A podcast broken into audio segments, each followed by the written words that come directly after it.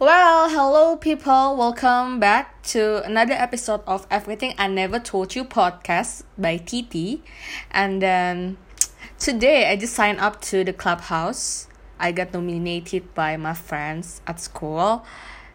Apparently, um, that platform might kind of scare me a little.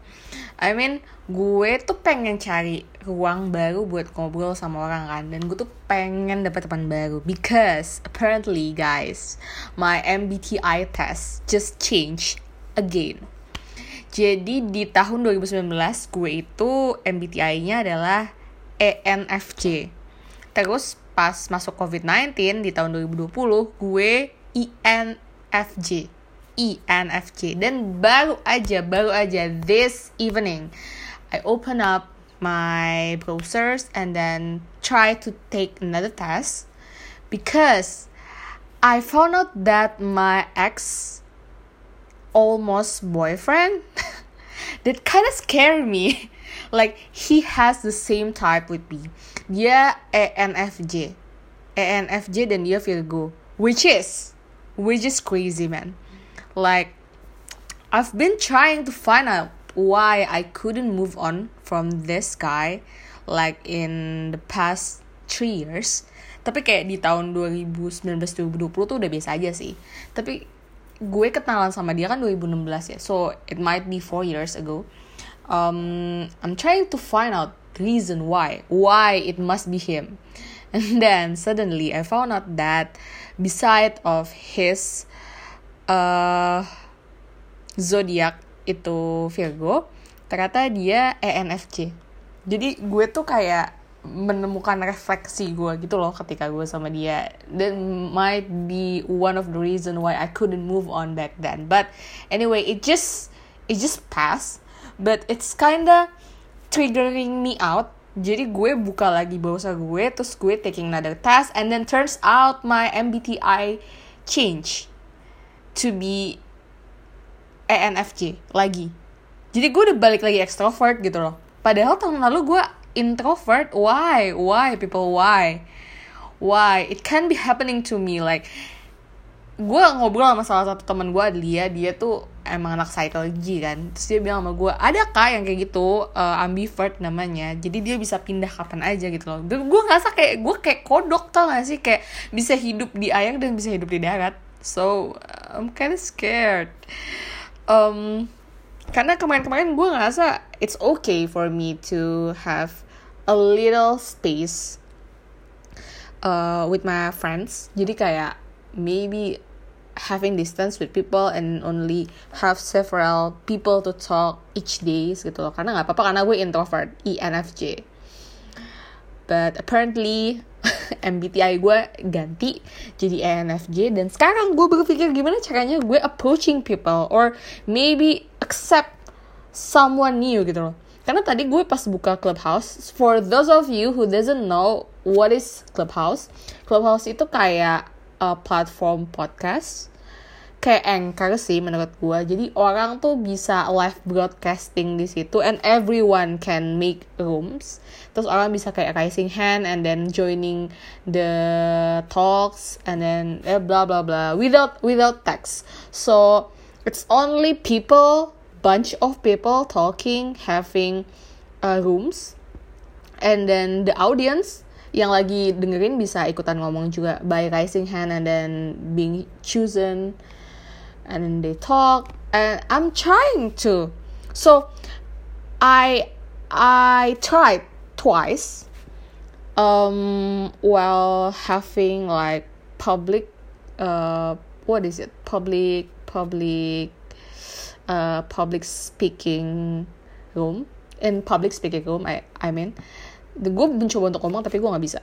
So I was like no it can be happening to me. I i'm trying to have a new friends out there but i couldn't even talk to new people. And i'm trying to make another room and i can't talk. So i'm coming back to my podcast because this is the free space that i have. And then maybe that's new for me for me So it's been five minutes, and let's get straight to our topics today. This is get to know episodes. Ini episode ketiga. Sebenarnya gue tuh udah bikin berapa podcast lagi kemarin-kemarin. Gue udah ngomongin tentang uh, gue yang habis ngobrol sama my ex boyfriend, but I don't think it's really necessary for you guys to listen now. So I will put it out somewhere in my laptop and then maybe I could share with you guys when I'm ready. And then today, what I'm ready to talk with you guys is, gue tadi nanya di Instagram story gue, who who will be the next one yang akan kita obrolin di Everything I Never Told You segment Get to Know. And then most of you guys asking me about um, Raska, Alana, Revina Lana terus ada juga yang sempat ngebahas kayak Ano Kiara itu dari Jam Fall Jam Fall itu adalah uh, hero gue setelah It Was Until It Wasn't so I couldn't say that I really know them well now sekarang karena gue baru kenal mereka 14 episode jadi kayak I don't have much thing many things to say about them. So um this podcast might be different a little bit different uh, because I'm gonna talk about two people. I don't know whether I will talk about Alana and Revina Lana nor Alana with Raska. But let's get started. So, for those of you who already listened to my podcast and then um, knowing about my It Was Until It Wasn't story, uh, eh, gue kasih brief lagi jadi itu until it wasn't story itu adalah cerita mengenai Alana yang takut untuk jatuh cinta tapi dia uh, bertemu dengan seorang cowok namanya Dimas presiden klub radio di kampusnya dan dia akhirnya jatuh cinta. Namun ternyata Dimas gak suka berkomitmen dan itu jadi pertanyaan whether Alana uh, akan bahagia bersama Dimas akan bersatu at the end atau akhirnya ya mereka masing-masing. And then you might find the answer karena episode 50 episode terakhirnya udah keluar walaupun epilognya belum keluar but ya yeah, you can see lah akhirnya gimana. Um it's quite a good character for me Alana. Tapi ini adalah karakter pertama yang ketika gue menuliskannya seiring dengan gue mengenal Alana gue ngerasa Alana tuh gak berguna lo paham gak sih kayak Alana lo ngapain hidup gitu gue pertama kalinya benci banget sama karakter gue adalah Alana. Alana tuh nggak nyebelin. Alana tuh cuman gak guna. Paham gak sih? Karena um, gue ngerasa di sini Alana tuh adalah tipikal orang yang dia tuh cuman mau percaya sama apa yang dia percaya. So dia tuh bukan orang yang mau kepo. Jadi dia cuman lihat gini deh uh, lo tahu pasti banyak orang yang sempet uh, gampang terbujuk atau percaya sama hoax yang disebarkan di Facebook atau WhatsApp atau di Twitter atau di Instagram. Banyak kan hoax berita hoax gitu. Um, dan Alana tuh tipikal orang yang bisa terjebak di sana sebenarnya. Karena dia tuh nggak terlalu kepo sama sekitar. Jadi dia cuma percaya sama apa yang dia percaya aja. Alana uh, perempuan kelahiran Agustus 2000 dia Leo. Iya dia 2000 ya karena Dimas 99 benar. Um, dia zodiaknya Leo dia punya satu kakak beda 7 tahun sama dia. Nah kakaknya ini bintang sekolah. Gue sempet bahas dia juga di podcast gue yang episode it was until it, it was until it wasn't namanya uh, Shiva Bintang Afrizal. Alana tuh terbentuk jadi perempuan yang dia bukan introvert, dia juga bukan orang yang bener-bener insecure banget, enggak gitu. Dia masih punya daya juang sebenarnya dalam diri dia gitu. Tapi dia nggak nyaman sama lingkungannya, dia nggak nyaman dengan fakta bahwa keluarganya tuh tipikal yang uh, look at your sister, your sister has so many achievements so you have to get one too gitu loh. Makanya Alana tuh yang gue suka dari tokoh Alana sepanjang gue berjalan bersama Alana gue menyadari bahwa oh ternyata ada kok orang-orang yang sebenarnya dia dia mungkin dibanding bandingin ya. Sampai dia menutup diri dan lain-lain. Tapi sebenarnya dalam hati dia dia masih juga punya daya juang untuk memilih hal-hal yang melawan takdirnya gitu atau melawan omongan orang kayak misalnya gini uh, bintang ini adalah orang yang sangat berprestasi dan kebetulan dia juga suka dunia radio sama kayak Alana. Nah orang-orang ngebanding-bandingin kan dan di sini pastinya uh, pilihannya Alana antara dia ngebuktiin kalau dia bisa lebih baik daripada bintang atau dia ngelawan omongan orang-orang dan jadi orang yang jauh berbeda dari bintang. Cuman itu pilihannya. Nah di sini Alana Alana tuh nggak langsung men, apa ya nggak langsung defensif gitu loh. Tapi gue ngeliat di sini Alana masih kayak yang dia masih look up to her sister tapi dia juga nggak mau di apa hidup di bayangannya si kakaknya ini. Makanya kalau lo baca itu sadel itu azan ada beberapa part di mana kalau Alana mau ngakuin sesuatu Alana tiba-tiba ingat kakaknya dan dia bilang gini anjir gue bisa ya ternyata sendiri jadi nggak kebayang dulu Mbak Bintang gimana ya ngelewatinnya. Ternyata ini sulit ya. Jadi walaupun dia kayak dia nggak suka dibandingin sama kakaknya dia nggak mau kayak kakaknya tapi sebenarnya dia juga masih look up sama kakaknya masih ngeliat kayak oh iya kakak gue tuh keren kok sebenarnya. Cuman gue nggak mau aja sama kayak dia. So itulah Alana. Dan ini juga gue sampaikan dengan cara Alana itu punya gaya yang berbeda sama Bintang. Kayak misalnya gini, Bintang tuh anak mass communication, Alana anak public relation. Dua-duanya suka media secara ini ya secara gamblang gitu loh. Kalau lo suka media ya lo masuk mass communication media masa bener gak sih? Kayak apa yang bintang lakuin. Dan kalau lo suka media ya berarti hobi lo ya muter-muter di situ harusnya gitu loh. Untuk menunjang lo biar bisa dapet pekerjaan di mass communication sesuai dengan apa yang lo mau gitu loh. Ya mungkin lo bisa belajar public speaking atau mungkin lo belajar fotografi. Karena di situ bintang kayak suggesting lo coba deh belajar fotografi gitu loh. Orang meskom tuh butuh loh untuk bisa foto yang bagus gitu loh. At least lo tahu gitu human interest tuh kalau di foto kayak gimana sih? Kalau lo mau ngefoto produk tuh kayak gimana sih?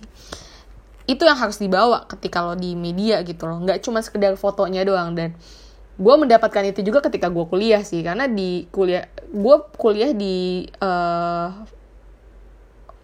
fakultas komunikasi juga waktu itu cuma ada satu fakultas sih. Jadi gue bingung gimana cara jelasin ya gue kuliah di LSPR Jakarta itu emang sekolah komunikasi. Jadi semua orang dapat basic komunikasi dan salah satunya adalah bisa photographic communication. Dan gue belajar itu di Meskom. Nah gue juga sana Meskom. Jadi gue ngerasa kayak ya emang itu harusnya jalan yang Alana pilih gitu loh. Tapi di situ Alana memberontak gitu. Alana mau nunjukin sama orang-orang kalau I can do it by myself I can do it by my own. I can do it by my way. Jadi dia memutuskan untuk gue mau ngambil sesuatu yang gue suka, bukan yang bintang suka. Dan yang gue suka adalah menyanyi. Akhirnya dia ikut les nyanyi. Dan waktu dia les nyanyi, kelihatan gitu loh, yang dia lakuin di les nyanyi itu bukan kayak rebound atau bukan kayak tempat untuk ngasih balas dendam. That's the word karena banyak orang yang kalau dibandingin sama orang lain uh, dia akan melakukan sesuatu dengan baik terus ujung-ujung gini tuh lihat gue lebih bagus daripada lo. Dan Alana tuh nggak gitu. Itu yang gue suka dari Alana. Cuman itu satu-satunya yang gue suka dari Alana. Sorry banget Alana Nadira Afrizal. Yang gue respect dari lo cuman itu doang. Um, ya. Yeah. dia ngelakuin les nyanyi itu ujung-ujungnya karena dia having fun with that uh, activities and then she she likes it. That's it. Mungkin awalnya kelihatan kayak dia juga bilang sama orang tuanya kayak gue gue punya les nyanyi. Karena gue sukanya itu gitu loh. Terus orang tuanya kayak kenapa sih lo nggak fotografi aja ikutin tuh kata mbak lo? Terus Ana tetap kayak enggak gue nggak mau gitu gue maunya nyanyi. Dan dia ngejalanin itu dengan senang dengan baik dan gak ada gak ada motivasi untuk kayak pengen kelihatan lebih baik daripada bintang atau gimana gimana dan pada akhirnya di perjalanannya Alana dan bintangnya sendiri akhirnya saling belajar sih. Kenapa sih mereka sering dibanding-bandingkan gitu? Oh karena kalau dari ceritanya sendiri bintang tuh adalah tipikal kakak yang menggenggam menjaga memata-matai. Lu tau gak sih ngeselin banget kayak lu punya kakak lu bintang di sekolah lo masuk ke organisasi yang sama dan kakak lo tuh mata-matain lo dari uh, grup alumni. Terus dibahas di rumah. Dikasih tahu kayak lo kenapa kayak gini kerjanya? Kenapa lo ada gosip gini di kantor? Kayak gitu-gitu loh. It just so irritating for me really. Gue ngebayangin gue jadi Alana aja gue kesel gitu loh. Jadi emang bintang protektif banget gitu. Bintang cuma mau yang terbaik buat adiknya gitu. Tapi sebenarnya kalau di matanya Alana jadi adik dari orang yang kayak bintang itu nggak ada benefitnya sama sekali gitu. Karena ke mana pun dia pergi ya selalu ada ekspektasi. Ya gak sih? Lo pasti pernah denger lah kayak sebutan buah jatuh nggak bakal jauh dari pohonnya. Ya karena pohonnya sama jatuhnya harusnya sama-sama juga. Kualitasnya harusnya sama-sama juga gitu loh. But but then again it's about people. It's about fate. It's about personal life. It's about someone desire someone patient. Itu pasti beda-beda gitu loh dan gue belajar dari hubungannya bintang sama Alana bahwa kalau dari sisinya bintang sesuatu hal yang terlalu lo genggam sesuatu hal yang terlalu lo jaga sesuatu hal yang lo mati-matian uh, pertahankan supaya dia nggak sakit ya malah lo ternyata nyakinin dia gitu loh. Malah lo bikin dia gak nyaman. Dan kalau gue lihat dari sisinya Alana Alana mungkin ada satu dua kali marah sama bintang satu dua kali ngebentak bintang satu dua kali ngelindungin diri dia. Tapi gue ngelihat masih ada respectnya Alana ke bintang gitu sebagai adik ke kakak gitu loh. Jadi walaupun lo ngelihat saudara lo selalu dibanding bandingin selalu lebih bagus daripada lo ya ya mungkin nyakitin lo. Cuman Alana cukup firm cukup kuat gitu untuk sadar bahwa ini hidup gue gitu loh seiring dengan berjalannya waktu sih. Karena satu dua kali kejadian kan masih ada lah. Orang-orang ngebandingin dia sama bintang gitu loh. Tapi Alananya sendiri she's getting better. Ketika dia akhirnya kenal sama orang baru ketika dia sadar kalau oh ternyata going up isn't easy gitu loh. Dan going up itu adalah tentang lu mengusahakan diri untuk jauh lebih baik untuk diri lo sendiri secara individu. So maybe that's That's what I like from Alana. Terus uh, satu hal yang menarik dari Alana adalah di saat mungkin semua orang menggambarkan orang yang punya uh, apa ya sorry ketika orang ada di dunia sekarang era sekarang pilihannya adalah lo attach banget sama sosial media nor lo nggak attach sama sekali sama sosial media gue jarang menemukan orang yang bener-bener bahas si tokoh utamanya adalah tokoh yang in the middle. In the middle with something different gitu. Dan di sini gue nggak bahas gimana Alana yang menjadi pengguna sosial media sesuai dengan porsi sosial media itu sendiri. Ya sosial media dipakai untuk mendapatkan informasi menurut Alana. So that's it. Ya cuma buat nyari informasi aja. Alana nggak suka sharing. Alana pun nge-tweet nge-tweet ya dia tahu lingkupnya cuman lingkup kecil Alana nggak mau follow sama banyak orang karena satu dua hal gitu loh.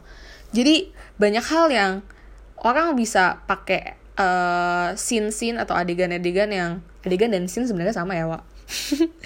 Um, adegan-adegan kayak oh iya lo emang nggak lihat Instagram story-nya? Itu nggak relate sama Alana.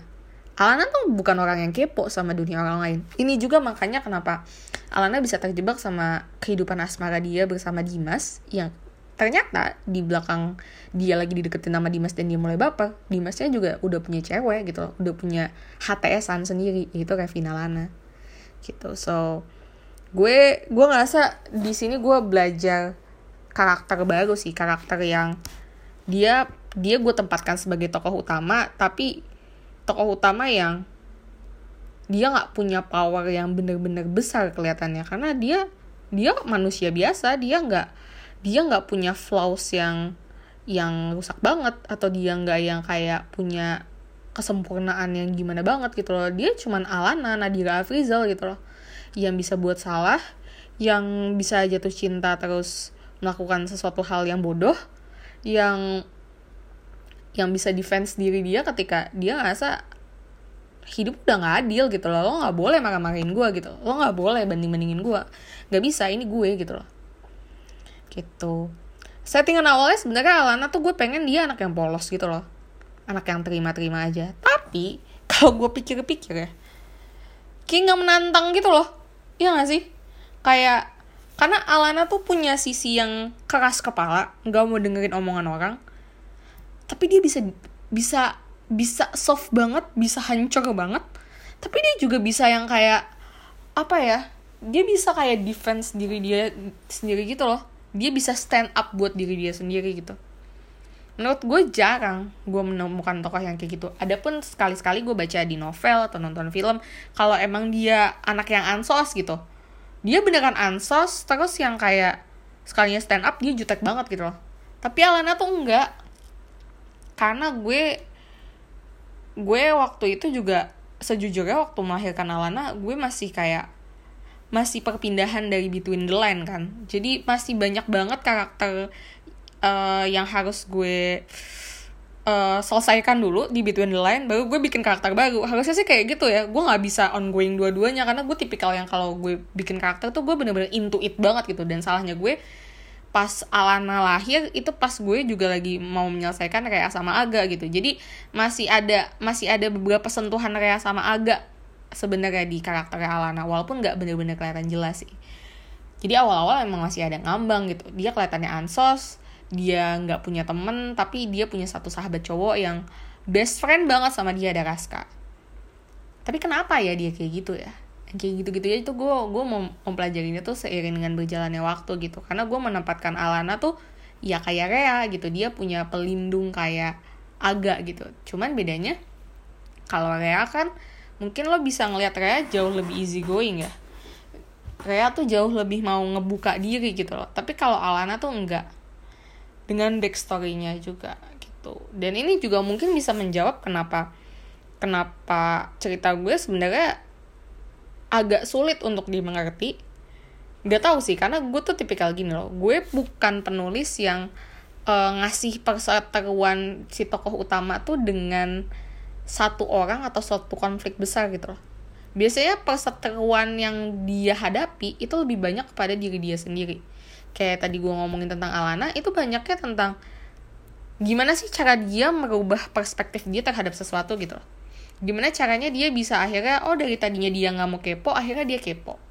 Oh dari tadi jadi dia yang kayak aduh gue gak nyaman banget nih sama bintang. Sampai akhirnya dia ngerasa kayak oke okay, gue harus berkembang nih. Biarin aja orang ngomongin bintang. Yang penting gue juga berkembang dengan diri gue sendiri. Perubahan itunya yang terjadi itu lebih banyak ke internalisasi si tokoh terhadap konflik yang dia jalanin daripada kayak dia berantem atau dia ngobrol langsung sama orang. Gue tuh lebih banyak kayak gitu. Makanya cerita gue agak sulit dimengerti kalau misalnya teman-teman bacanya agak agak dicepetin gitu loh. Atau kayak apa sih baca skimming gitu. Karena gue banyak banyak memberikan kayak oh lo menginterpretasikan sendiri gitu loh. Apa sih yang sebenarnya dirasain gitu. Nah makanya tadi juga gue ngomong kenapa dia agak-agak mirip sama Rea sama Rea masih sorry Alana masih agak mirip sama Rea ya karena gue nulisnya lagi di saat yang bersamaan dan sebenarnya kalau dilihat dari backgroundnya mereka sama gitu loh. Mereka sama-sama punya isu, punya isu keluarga mereka sama-sama punya um, apa namanya sahabat cowok yang mereka sayang banget gitu loh. Tapi isu ke depannya lebih lebih apa ya lebih gue nggak tahu gimana cara menggambarkan Alana ya. Alana tuh lebih kayak uh, dia belajar untuk bisa punya hubungan sama orang lain gitu di sini. Masalah dia dengan gimana caranya bisa dia trusting orang dia membuka diri sama orang gitu. Itu ada di masalahnya Alana sedangkan kalau Rea Rea punya masalahnya dia sendiri. Rea lebih kayak gimana dia berhenti dengan what if-nya? Karena Alana tuh bukan tipikal orang yang what if sih. Dia nggak overthink banget. Dia cuma nggak terbiasa untuk terbuka sama orang. Dengan alasan ya ya karena dia uh, ngerasa setiap kali dia buka diri sama orang orang udah labeling dia gitu loh oh lu adiknya bintang gitu. Jadi kayak misalnya adiknya bintang yaitu Alana gitu. Jadi bukan cuman ngomongin Alananya doang gitu. Selalu ada either bintangnya di awal atau bintangnya di akhir. Selalu ada bintang yang nempel di dia. Makanya dia nggak terlalu suka untuk membuka diri sama orang gitu. Nah dalam cerita ini juga gue gue belajar untuk ini ya ngasih apa sih ngasih perjalanan progres perjalanan progres kalimat yang sama kata yang sama sorry. Progres pengenalan dirinya Alana sama Dimas gitu loh. Alana ke Dimas ngebuka diri ke Dimas gitu karena jujur aja gue bukan orang yang punya history uh, apa ya punya history yang bagus gitu dalam PDKT gitu. Karena gue tipikal orang yang cukup cepat bikin orang terbuka sama gue gitu. Gue nggak tahu kenapa ya cuman gue ngerasa kalau orang mau cerita sama gue orang mau konsultasi sama gue they tend to believe me that fast. Mereka gampang buat terbuka sama gue jadi gue ngerasa gue lebih cepat untuk bisa deket sama orang gitu. Tapi belum tentu orangnya bisa deket sama gue itu itu yang bikin gue ketika nulis Alana tuh agak berat. Karena nulis Alana itu nggak gue nggak gue nggak kebayang gitu gimana caranya lo pelan-pelan ngebuka diri lo gimana caranya lo oh sedikit-sedikit lo kasih tahu gitu loh. Karena gue tipikal yang kayak yes or yes. Kalau iya ya iya. Kalau oh sorry yes or no gitu. Kalau iya ya iya. Kalau enggak ya enggak gitu. Gue gak akan cerita gitu atau gue akan cerita semua kayak gitu. Makanya gue sama Alan tuh he's not my favorite character tapi gue ngerasa uh, gue belajar dengan pertumbuhannya dia. Dari Alana yang apaan sih gue nggak mau aja tuh cinta gitu. Sampai sekarang Alana yang di episode episode terakhir bisa kayak cium Dimas duluan lah terus kayak ngajak nginep lah. Oh my god. So anyway um, I want to talk about Revina Lana but I don't think Revina Lana deserve uh, kayak a half a half podcast kayak cuma setengah-setengahan sama Lana. So maybe I I would um, I would save it for her later ya. Jadi mungkin kita akan jump to Raska Devian. Tapi sebelumnya gue akan menyelesaikan Alana dulu. Um, hal lain yang mungkin jadi pertanyaan dari teman-teman gitu loh. Kenapa Alana jadi tokoh utama tapi Alana kok kayaknya malah jadi shadow gitu loh?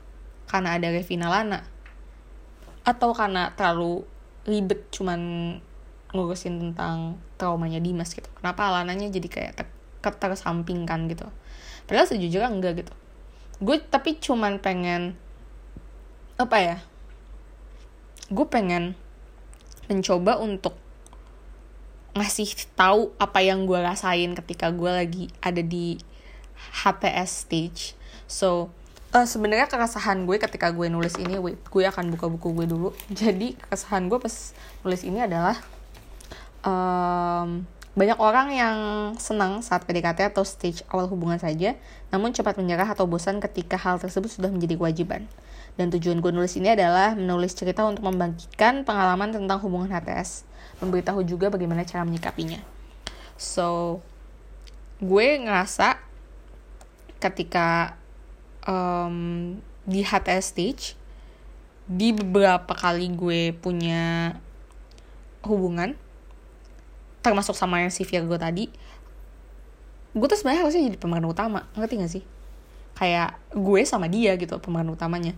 Alana sama Dimas gitu loh. Tapi di beberapa cerita gue selalu ada Revina Lana gitu loh. Either Revina Lananya bener-bener se-oke Revina Lana atau sebrengsek manusia yang gue nggak bisa ngejelasin tapi dia adalah Revina Lananya. Yang tiba-tiba dia malah jadi fokus utamanya gitu loh. Padahal ceritanya tuh tentang gue. Itu cerita gue. Tapi kok jadi lebih banyak ngomongin tentang Revina Lana sama Dimas gitu loh. Sebenarnya gue ngapain di situ gitu loh. Buat apa gue ketemu sama Dimas kalau ujung-ujungnya dia malah sama Revina Lana? Itu yang sebenarnya gue lewatin gitu. Dan mungkin teman-teman akan terjawab kalau teman-teman baca nanti sampai epilog. Belum bisa gue bahas sih. Cuman itu sebenarnya yang pengen gue sampein gitu. Karena ada beberapa hal di dunia ini yang kayak lo tuh sebenarnya lagi jadi pemeran utama lo selalu jadi pemeran utama kok di semua cerita hidup lo. Cuman kan ini bagaimana lo memandangnya aja gitu loh. Ini bagaimana orang melihat dari perspektif mananya. Ya kalau misalnya lo mau bahas ceritanya dari posisinya Dimas ya ya Dimas yang harus milih gitu. Tokoh utamanya dia atau Kevin Lana iya nggak atau kalau misalnya gue mau bahas ini dari tokohnya Raska gitu Raska sahabatnya Alana ya berarti tokoh utamanya Raska ya ceweknya Alana iya nggak? Terus nanti tokoh yang second lead male-nya si Dimas sama si Revina Lana jadi itu sebenarnya cuman the matter of point of view aja gitu loh. Tapi kalau kalau kasusnya Alana ya gue pengen ngasih tahu lu lu mungkin pemeran utama gitu loh. Tapi ya nggak semua pemeran utama bisa mendapatkan that kind of glory paham gak sih? Bukan berarti gue pencinta second lead gitu loh. Tapi tapi gue ngerasa kayak karena ini juga kita nggak tahu kan sebenarnya endingnya kayak gimana gitu loh. Cuman kayak kenapa dia bisa ke shadow sama Revina Lana ya? Karena untuk di cerita ini untuk di dunia gue yang saat ini ya gue pengen ngasih tahu aja gitu. Tokoh utamanya emang Lana gitu. Tapi ada kok ketika kita jadi tokoh utama ada orang lain yang nge-shadowin kita tuh ada banyak cerita-cerita kayak gitu dan itu wajar. Gitu. So gue udah sempat sempat bahas tentang Raska. Jadi Raska adalah sahabatnya Alana. Raska itu uh, visualisasi dari sorry bukan visualisasi upgrading karakter dari Dirgantara Satria. Jadi kalau misalnya ngomongin tentang Dirgantara Satria atau Aga di Between the Line gue ngerasa gue punya kecacatan karena tokoh itu sempurna banget. Dia sesempurna itu. Next time gue akan cerita soal Aga ya sama teman-teman. Tapi kalau tentang Aga ini Aga adalah orang yang sangat sempurna. Dia baik dia pintar dia pekerja keras dia rajin ke gereja dia punya teman yang baik keluarga yang baik dia punya sahabat-sahabat yang baik dia ganteng banyak cewek yang suka sama dia dia kalau ngomong lembut dia udah lulus S2 so gue menciptakan Aga sangat sempurna kecuali satu. Kelemahan Aga adalah mencintai Rea.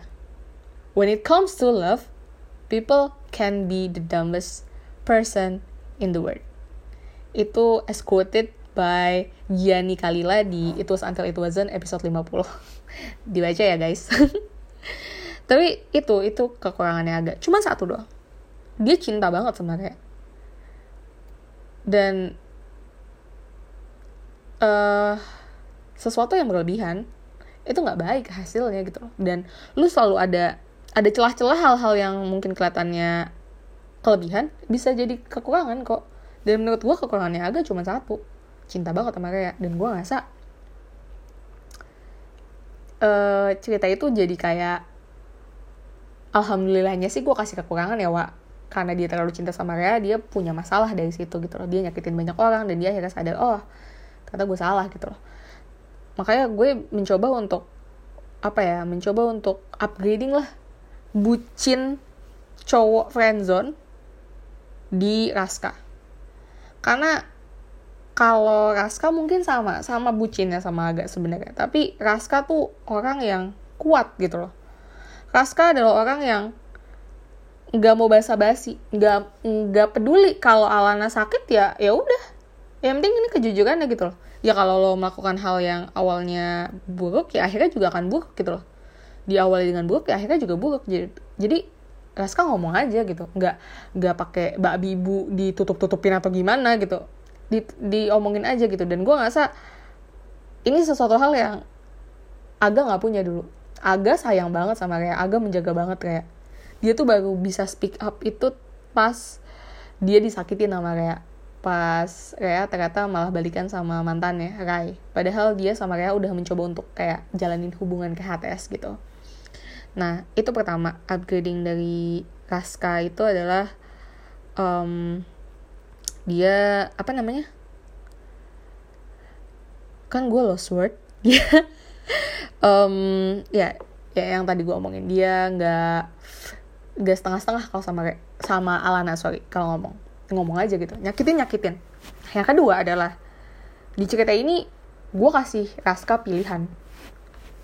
Kalau dulu agak tuh selalu coba sama cewek baru tapi agak tahu Rea tuh the one. So dia mau seeking around ke mana pun Rea orangnya gitu loh.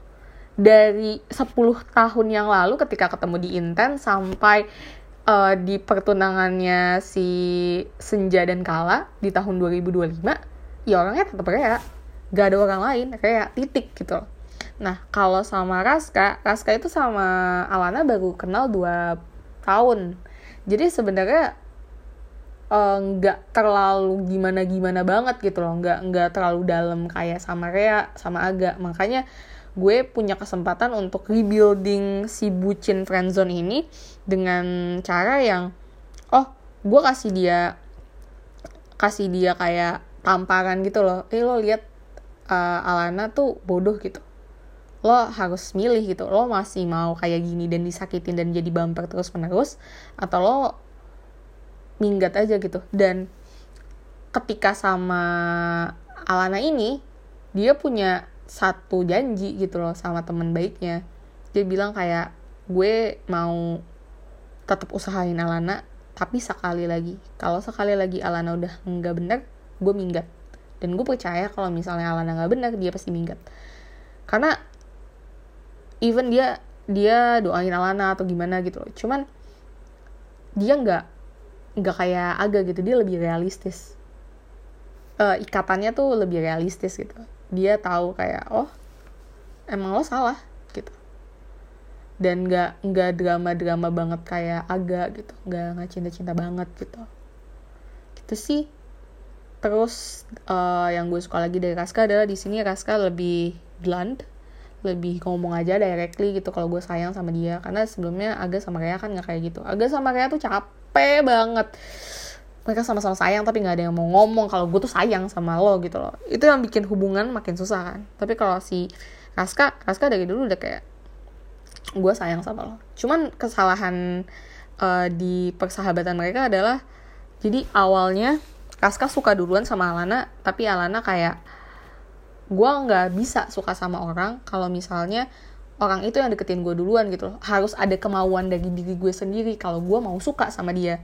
Sama itu mendukung banget dengan fakta-fakta bahwa Alana nggak mau kepo sama orang lain. Alana cuma percaya sama apa yang dia lihat di depan mata gitu loh. Alana juga nggak nggak gampang untuk terpengaruh atau gimana sama orang gitu loh. Dan itu itu gue gue akui gue suka banget sama pilihan gue yang itu gitu karena itu mendukung karakter developmentnya Alana ke depannya gitu. Nah, dan juga mendukung kenapa Raska sampai akhir dia masih mau memperjuangkan Alana gitu dengan segala kebodohan-kebodohan yang Alana sudah lakukan gitu. Karena dia punya guilt sendiri. Dia melewatkan Alana. Waktu itu ada satu scene di episode 11 mereka lagi minum soju bareng. Terus Alana bilang kayak eh Alana cium Raska karena dia lagi main truth order cium Raska tapi Raska nggak balas di situ Alana kayak yang kenapa sih? Udah pacaran aja deh sama lo deh tapi Raskanya kayak enggak gue nggak mau. Kalau bukan lo yang mau sama gue gue nggak mau gitu loh. Gue nggak mau ngerusak persahabatan ini gitu. Nah tapi setelah lihat si Alana deket sama Dimas dan tahu kalau history Dimas kurang baik sama cewek-cewek ya baru di situ Raska punya kayak desire punya kayak apa ya kayak keinginan untuk aduh gue harus menyelamatkan Alana nih gue nggak mau Alana sakit gitu loh. Dan ini juga kalau gue harus menderita kayak gini ya bukan salahnya Lana sepenuhnya gitu loh salah gue juga. Itu yang gue suka dari Raska gitu karena Raska tahu dia lewatin timingnya. Jadi kalau dia mau lagi ya dia emang harus mulai dari nol gitu loh dan dia nggak boleh nyalahin semesta nggak boleh salahin semesta gitu loh. So Raska hadir dari agak jadi kalau misalnya teman-teman baca itu until it wasn't setelah baca itu uh, between the line atau kebalikannya dan menyadari kok ini mirip kayak aga ya? Karena gue gue menyadari agak itu kurangnya di situ aja sih. Agak tuh terlalu agak tuh sempurna banget buat siapa pun itu gitu loh. Ya sayangnya satu kesalahan dia di dunia ini karena dia cinta banget sama Rea dan kebetulan aja gue baik gitu gue kasih udah deh lo nikah sama Rea gitu. Walaupun dia udah nyakitin banyak cewek gitu. Jadi gue mencoba untuk belajar untuk upgrading. Walaupun Raska pun bukan karakter yang sangat sempurna ya menurut gue masih banyak hal yang harus gue pelajari lagi untuk mengembangkan si karakter Raska maupun Alana ataupun karakter-karakter gue yang lainnya. Cuman gue ngerasa di It Was Until It Wasn't gue bisa bisa lebih mainin banyak faktor di kehidupan untuk bikin orang jadi sesuatu gitu. Jadi jadi karakter yang A B C D gitu loh karena gue karena gue mau pelajari mereka lebih dalam lagi gitu. So maybe maybe that, that's Raska. Sebelum-sebelumnya mungkin di uh, kayak sama Dimas gue lebih ngebahas tentang physically and stuff. Tapi gue ngerasa di podcast yang ini gue lebih banyak cerita kayak gimana kepribadi kepribadian mereka. Mungkin karena sekarang gue udah di episode 50 ya udah tamat. It was until it wasn't ya. Jadi gue jauh lebih aware gitu. Mereka tuh sebenarnya orangnya seperti apa sih gitu. Dan kayaknya kalian lebih ngebutuhin itu sih. Untuk tahu daripada oh kita belum ngebahas kenapa visualnya adalah Doyon Wakimeki dan juga Bang Chan jadi sebenarnya Doyon Wakimeki itu gue pilih karena gue nggak tahu gue mau milih siapa cewek. Jujur aja gitu pada saat itu gue pengen nulis cerita terus gue kayak gue milih siapa ya? Cewek gitu. Gue gue nggak nggak punya banyak kenalan cewek. Dan gue tuh bukan tipikal orang yang suka pakai uh, foto influencer gitu walaupun di ujung-ujungnya gue tulis sih sumbernya dari mana gitu. Tapi gue nggak terlalu suka karena menurut gue gue lebih nyaman pakai foto artis cari yang no copyright gitu lebih nyaman aja nulisnya. Uh, tapi akhirnya gue milih Doyon lah karena waktu itu gue lagi sering nontonin April yang uh, Lalali Lala dan di situ gue kenalan sama Naen. Naen juga gue pernah nonton dia di uh, what is it uh, Extraordinary. You jadi gue kayak oh gue gue coba deh gue pakai Doyon. Dan waktu itu di aplikasi Joylada lagi rame banget nih Bright gitu. Bright VC yang jadi Dimas. Gue juga sebenarnya waktu itu kayak pas gue lihat muka dua-duanya ih pas banget nih gitu loh kayak kok cakep ya gitu. Karena gue ngebayangin sebenarnya si Dimas itu harusnya sama cewek yang kayak kayak Somi tadinya mau Somi yang jadi Alana gitu. Cuman gue lihat Somi terlalu terlalu muda terlalu pokoknya nggak Alana banget lah gitu. Somi tuh Somi tuh nggak nggambarin Alana tapi Doyon tuh bisa dapetin Alananya. Alana tuh karena tipikal cewek yang cakep yang dia kan anak uh, ini ya anak uh, pemilik rumah sakit gitu loh. Jadi emang pembawaannya uh, rich kaya gitu. Dia kelihatan yang kayak berada lah kelihatan kayak gitu. Nah gue ngeliat kayak di Doyon tuh ada gitu. Dan gue ngerasa si Alan tuh harus cakep titik gitu loh. Cakepnya tuh cakep doyon gitu bukan cakep yang kan ada beberapa visual visual uh, setiap girl band kan punya visualnya masing-masing ya. Pada saat itu gue lagi suka banget sama Twice gitu. Kalau Twice tuh gue nggak gue nggak nemu sama sekali gitu. Atau di Itzy gitu. Itzy kan visualnya Yuna nih. Yuna tuh cakepnya cakep manis. Nah tapi kalau Doyon tuh gue kayak kalau orang lihat cakep gak cakep titik gitu loh. Itu yang gue butuhin gitu. Yang bikin Dimas juga ngerasa kayak oh iya oke deh nih orang gitu. Dan terutama Doyon ini bisa ngewakilin Alana yang kelihatan stiff awkward yang nggak terlalu mau deket-deket sama orang kepo-kepo sama orang rahangnya Doyon matanya Doyon itu tuh kelihatan banget bisa bisa cocok sama si Alana ini. Dan kenapa yang jadi Raska adalah Mas uh, Bang Chan? Sebenarnya awalnya tuh gue ambil anak treasure gue lupa namanya siapa. Tapi uh, pas gue sandingin dia sama Alana kebanting gitu loh karena Alana kan tegas banget ya. Alana tegas banget. Terus habis itu Dimasnya tegas banget. Nah Revina Lana tuh cewek yang lembut lembut tegas cantik. Nah, Revina Lana lebih ke lembut sih kelihatannya lebih ke lembut.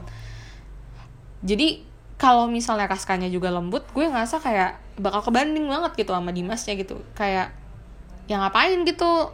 Sama cowok yang kelihatan lebih lembut mendingan gue sama Dimas aja. Pasti pikirnya begitu kan dan juga nggak nggak nggak jadi kayak kelihatan seseorang yang rumah banget gitu buat Alana karena Alana tuh harus jadiin Raska tempat pulang tempat curhat gitu tempat yang bikin nyaman gitu dan gue ngeliat Bang Chan punya visual yang tegas, visual yang emang dia juga leader kan, Bang Chan Stray Kids.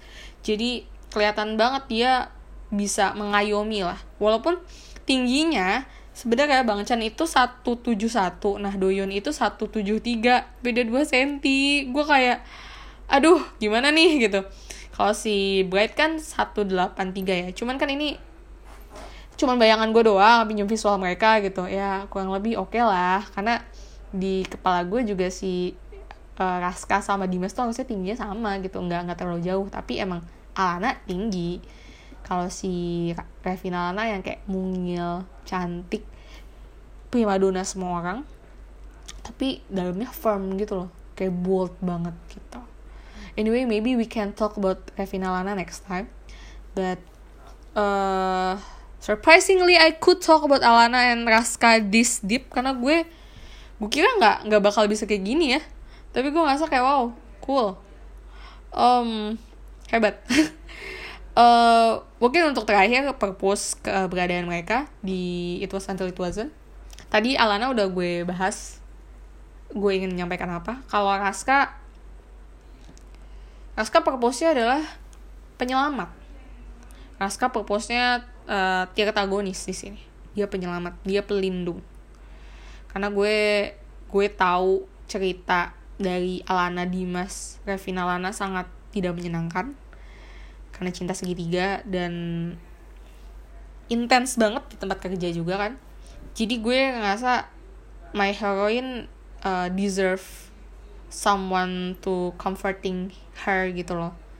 Dan gue kasih tugas itu kepada Raska dan Raska bisa menjalankannya dengan baik sih. So purpose-nya Raska ya jadi rumah buat Alana yang gak bisa membuka diri dengan cepat gitu. Karena dari perjalanannya kelihatan tuh waktu Alanti tiba-tiba udah bisa buka diri sama Dimas Raska yang kayak iya kan sekarang semua semua Mas Dimas gitu loh. Gue jadi kayak gue di sini belajar kayak oh emang pertemanan tuh kadang gitu ya. Maksudnya lo lo at some point lo, lo pengen lihat temen lo seneng gitu loh tapi lo juga nggak mau gitu lihat dia nggak sama lo gitu.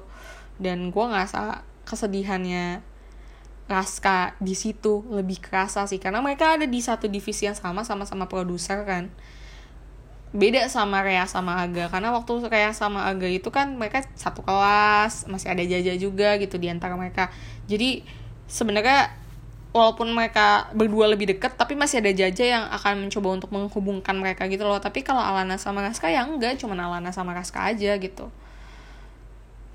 Raska juga lahir dari keluarga yang baik-baik dan dia deket sama nyokapnya Lana, bokapnya Lana, sama uh, apa kakaknya Lana juga, sama pacar kakaknya Lana juga. Jadi um, settingannya emang settingan agak banget.